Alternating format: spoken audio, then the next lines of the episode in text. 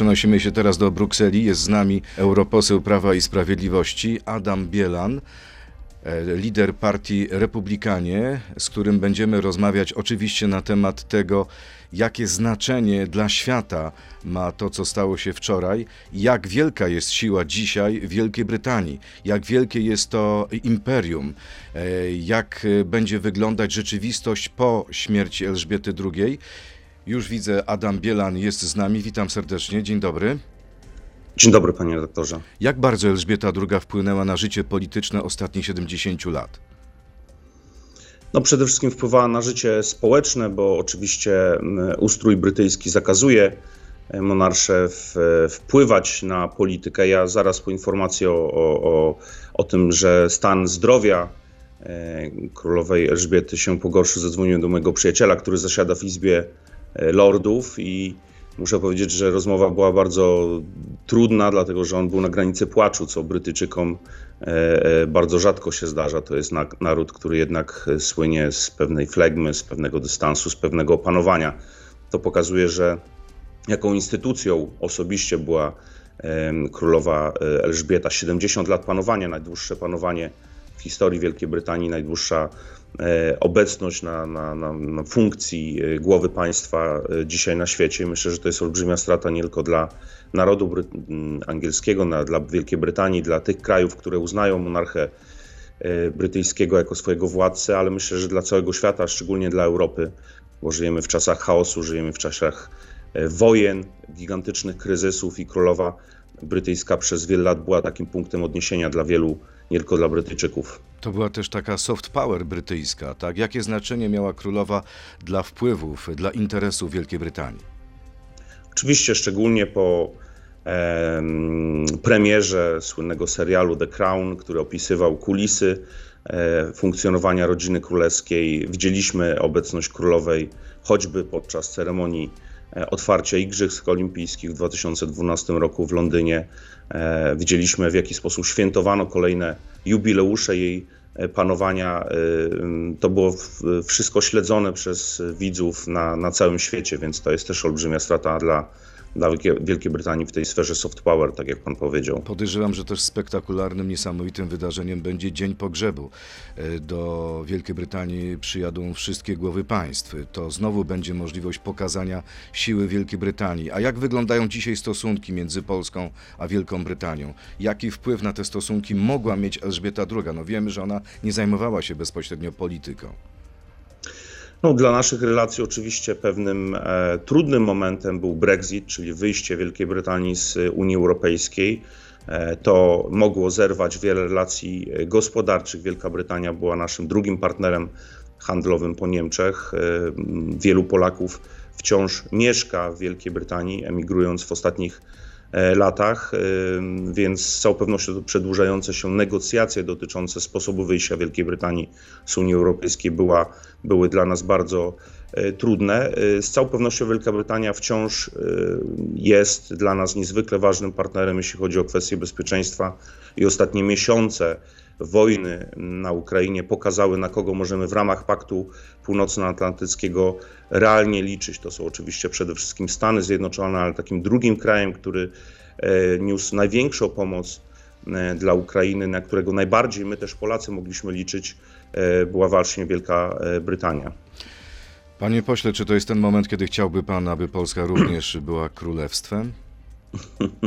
Ja jestem republikaninem, więc szanuję oczywiście tradycje brytyjskie. Nie sądzę, żeby w najbliższych latach, mimo tego, jak, co mówił mój poprzednik, że król Karol jest nieco mniej popularny od królowej Elżbiety, ale mam nadzieję, że, że do rozmontowania monarchii tam nie dojdzie, natomiast w Polsce E, e, mamy tradycje, piękne tradycje republikańskie i myślę, że tak już zostanie. Polska na razie nie ma króla, ale ma naczelnika. I co naczelnik szykuje dla zdetronizowanego szefa TVP Jacka Kurskiego? O tym w drugiej części rozmowy z Adamem Bielanem. Zapraszam na Radio ZPL, Facebooka, YouTube'a. Panie pośle, no właśnie, będzie fucha dla Jacka Kurskiego w rządzie, czy też w sztabie wyborczym? Jacek jest e, politykiem niezwykle doświadczonym, ma też duże doświadczenia, jeśli chodzi o prowadzenie kampanii wyborczych. Sam e, z nim pracowałem choćby w 2005 roku, kiedy udało nam się odnieść olbrzymi sukces, bo startowaliśmy z poziomu, poziomu 10%. Już pewnie niewielu e, widzów, słuchaczy pamięta, że Prawo i Sprawiedliwość kiedyś miało zaledwie tego rodzaju poparcie, a udało się wtedy wygrać podwójne wybory, zarówno wybory prezydenckie, jak i parlamentarne i oczywiście wkład Jacka był bardzo duży. Nie wiem, jakie są jego plany, bo to są przede wszystkim decyzje osobiste. Jacka. Ale podejrzewam, że pan wie, jakie są plany naczelnika Jarosława Kaczyńskiego, bo często się pan z nim spotyka, także rodzinnie. To z całą pewnością talenty Jacka powinny być wykorzystane i myślę, że już niedługo dojdzie do rozmowy między prezesem Kaczyńskim a, a Jackiem Kurskim, więc sądzę, że najbliższe dni to będzie czas decyzji. Ale ta decyzja była zaskakująca, wszystko na to wskazuje dla Jacka Kurskiego. Prezes chciał trochę przeczołgać Jacka Kurskiego, chciał mu opiłować pazurki. To była decyzja Rady Mediów Narodowych. Pan przewodniczący Krzysztof Czabański już ją, zdaje się, publicznie E, A Krzysztof Czabański podjął sam decyzję. Mamy w to uwierzyć wszyscy? Jest przewodniczącym Rady Mediów Narodowych i ta decyzja, jak rozumiem, była jednogłośna, bo przedstawiciele opozycji, którzy, którzy zasiadają w tej Radzie również podnieśli rękę za odwołaniem. Nie konsultował tej decyzji absolutnie z Jarosławem Kaczyńskim. Panie pośle. Nie potrafię powiedzieć, z kim e, konsultował. To już są pytania do pana E, przewodniczącego Czabańskiego, natomiast e, no, z całą pewnością osoba pana Matszkowicza, który był członkiem zarządu przez kilka lat, gwarantuje pewnego rodzaju kontynuację. Czyli Pana zdaniem decyzja dotycząca Jacka Kurskiego na dniach i raczej to będzie sztab wyborczy, kampania wyborcza, czyli duet z Adamem Bielanem, czy raczej rząd, zastąpienie wicepremiera i ministra kultury Piotra Glińskiego? Wszystkie media mówią oczywiście, że kampania już się rozpoczęła, ale ona tak naprawdę zacznie się dopiero e, wiosną, latem e, przyszłego roku, więc nie wiem, czy jest potrzeba już w tej chwili formowania sztabu. Ja jestem dzisiaj e, szefem jednego z ugrupowań koalicyjnych, więc nie sądzę, żebym znalazł się w sztabie. Natomiast co do Jacka Kurskiego, tak jak powiedziałem wcześniej, grzechem byłoby nie wykorzystać jego doświadczenia w sytuacji, w której E, powinna obowiązywać zasada wszystkie ręce na pokład, zasada znana żeglarstwa. E, w sytuacji, w której e, mamy tak tyle kryzysów gospodarczy, wojenny, polityczny i będziemy walczyć o wszystko w wyborach parlamentarnych, nie można kogoś takiego jak Jacek Kurski zostawić z boku bez przydziału. Jest lepszy od pana w te klocki kampanijne? to już nie mnie oceniać.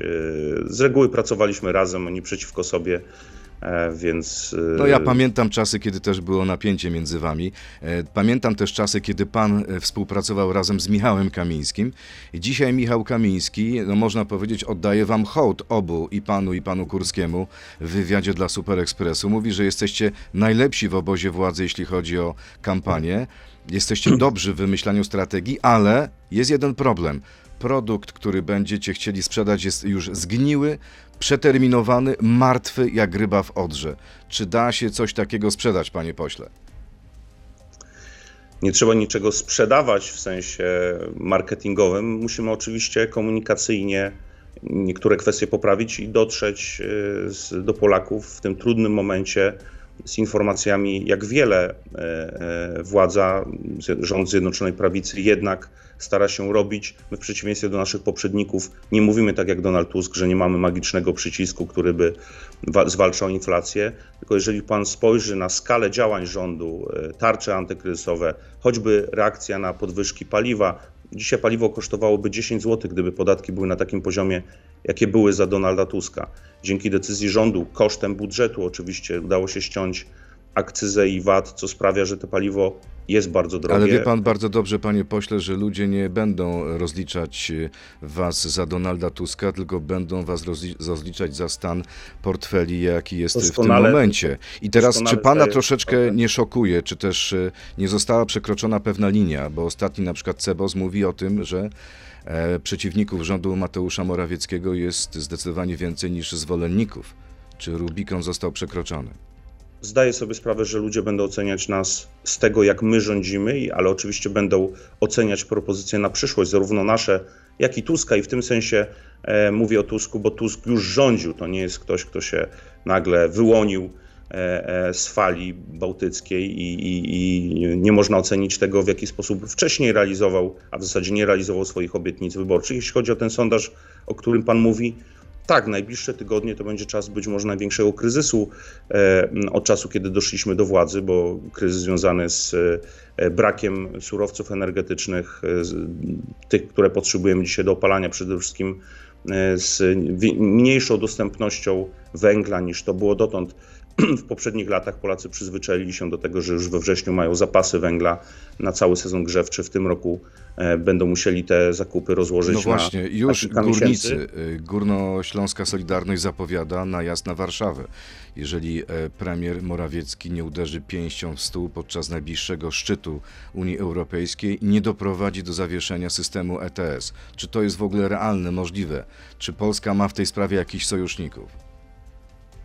No akurat y, ktoś, kto tak mówi, krytykuje osobę chyba jedynego polityka dzisiaj w Unii Europejskiej, który tak mocno, tak stanowczo mm, domaga się y, zawieszenia czy modyfikacji systemu ETS. Przecież widzieliśmy konferencję prasową premiera Morawieckiego przed wejściem na spotkanie z prezydentem Macronem e, przed Pałacem Nizejskim, w której dokładnie mówił, że to będzie główna sprawa, do której... Ale wie pan doskonale, panie pośle, że tu nie chodzi tylko o słowa, o retorykę. Chodzi tak naprawdę o możliwość e, zrealizowania swojego pomysłu.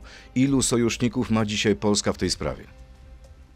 Myślę, że w całej Europie następuje refleksja, że dotychczasowa polityka klimatyczna E, przykłada się do tego, że dzisiaj e, na, cały, na całym kontynencie europejskim widzimy gigantyczne wzrosty cen e, za gaz i za, za ropę, za węgiel, za wszystkie węglowodory. Są różne pomysły.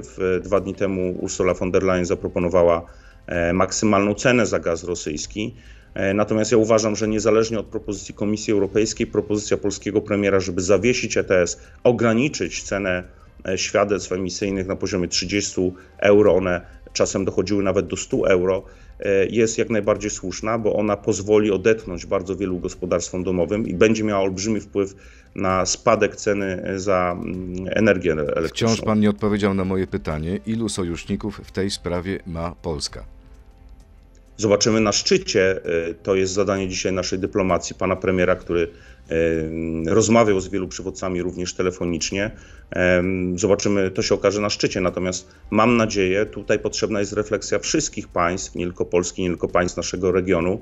E, I liczę na to, że w momencie, kiedy mamy rozpoczęcie sezonu grzewczego i te kłopoty z ogrzewaniem, z wykluczeniem, z ubóstwem energetycznym, jak to się w żargonie e, brukselskim e, mawia, czyli sytuacja, w której naprawdę miliony Europejczyków mogą mieć niedogrzane domy ze względu na to, że cena gazu wzrosła kilkukrotnie. E, w sytuacja, w której e, bardzo wiele małych i średnich przedsiębiorców ma dzisiaj rachunki wzrastające o 300-400% i bardzo trudno w takiej sytuacji im funkcjonować dalej, że to wpłynie na tych przywódców europejskich, którzy blokują przyjęcie propozycji polskiego premiera. Panie pośle, czy sprawa reparacji wojennych od Niemiec to miała być pułapka dla Donalda Tuska? Albo na Donalda Tuska?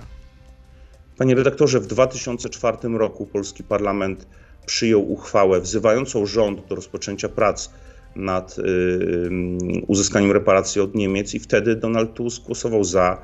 Mało tego, miał jak na, jak na siebie dość antyniemieckie wystąpienie. Ja zdaję sobie sprawę, że to był 2004 rok, zanim Tusk zawarł ten sojusz z Angelą Merkel, w ramach którego został później wynagrodzony stanowiskiem szefa Rady e, Unii Europejskiej. Natomiast no, te słowa są zapisane w, w kronikach sejmowych, każdy może je w internecie uzyskać. E, no ale jednak nie udało się wam złapać w pułapkę Donalda Tuska, bo zreflektował się i powiedział tak, proszę bardzo, karty na stół, pokażcie harmonogram, będziemy was wspierać. Te wypowiedzi Tuska i w ogóle liderów Platformy Obywatelskiej w ciągu 48-72 godzin były przedziwne, bo na początku Tusk przecież zaatakował ten pomysł, zgodnie chyba z takimi swoimi pierwszymi emocjami. E, gdy ktoś atakuje Niemcy, krytykuje Niemcy, to oczywiście Tusk rzuca się do obrony. E, to samo Schetyna czy Budka, Sikorski, widzieliśmy te wypowiedzi nagle w ciągu 48 godzin myślę, że tutaj reakcja opinii publicznej była decydująca. Tusk się po prostu przestraszył, zobaczył, że zdecydowana większość Polaków reaguje na jego słowa z oburzeniem i rzeczywiście zmienił zdanie cieszy mnie mam y, ta zmiana zdania. Mam nadzieję, że ona jest prawdziwa, że Tusk nie będzie, jak to dotąd było w wielu sprawach, na przykład z KPO, nie będzie jednego mówił publicznie w Polsce, a drugiego Pozwoli pan, e, robił, że zacytuję, w celi. Pozwoli pan, że zacytuję panu coś. E, problem realizacji uprawnień reparacyjnych Polski od Niemiec jest zamknięty. Czy pan wie, kto to powiedział? Jeżeli pan to cytuje, to zapewne któryś z polityków obozu e, władzy E, obstałem 2006 rok. E, Czyli czuje pan tutaj pułapkę, bo rzeczywiście to jest cytat z 2006 roku mhm. i to są słowa ówczesnej szefowej polskiej dyplomacji w rządzie Prawa i Sprawiedliwości Anny Fotygi. Czyli wy też macie dużo na sumieniu w tej sprawie. Panie redaktorze, my jesteśmy obozem, który po kilku latach e, przedstawił potężny, bardzo szczegółowy raport dotyczący e, strat wojennych, które poniosła Polska w wyniku działań niemieckich. Bez tego raportu nie można byłoby e, przejść do kolejnych kroków, czyli do wysłania noty dyplomatycznej, do kampanii społecznej. E, więc... Ale też popełnialiście błędy i też tej sprawy nie podnosiliście wtedy, kiedy po raz pierwszy rządziliście, tylko dopiero teraz. Więc jest pytanie następujące, czy to nie jest tak naprawdę tylko i wyłącznie kwestia kampanii? Wyborczej. Ja mówiłem o tej debacie z 2004 roku i mm, deklaracji, uchwały Sejmu, która została wtedy przyjęta. Mm, I ta debata wtedy toczyła się dokładnie w tym samym momencie przed wyborami w 2005 roku, co dzisiaj, bo e, debata była, o ile dobrze pamiętam, w sierpniu 2004 roku, a głosowanie nad uchwałą we wrześniu 2004 roku. Wybory były w październiku 2000, czy we wrześniu nawet 2005 roku. Wtedy nikt nie mówił, że to jest element kampanii wyborczej. E, jeżeli mamy wybory za rok i nie możemy poruszać ważnych tematów, to znaczy, że mamy permanentną kampanię wyborczą i tak naprawdę nigdy nie możemy poruszać tych kwestii. Dobrze. Ja często publicznie mówię o tym, co dzieje się na linii e, Niemcy-Namibia. Niemcy w zeszłym roku zdecydowały się wypłacić odszkodowanie na Namibii za zbrodnie ludobójstwa popełnione w latach 1904-1908, a więc ćwierć wieku przed II wojną światową i w przypadku e, Namibii nikt nie mówi o tym, że upływ czasu sprawił, że zbrodnie niemieckie się zdezaktualizowały i Niemcy powinny za, nie powinny za nie płacić. Pytanie od naszego słuchacza Grzegorz Ciszewski. Jaką rację bytu ma partia typu Republikanie, skoro w przypadku samotnego startu w wyborach nie jesteście w stanie przekroczyć nawet 1%?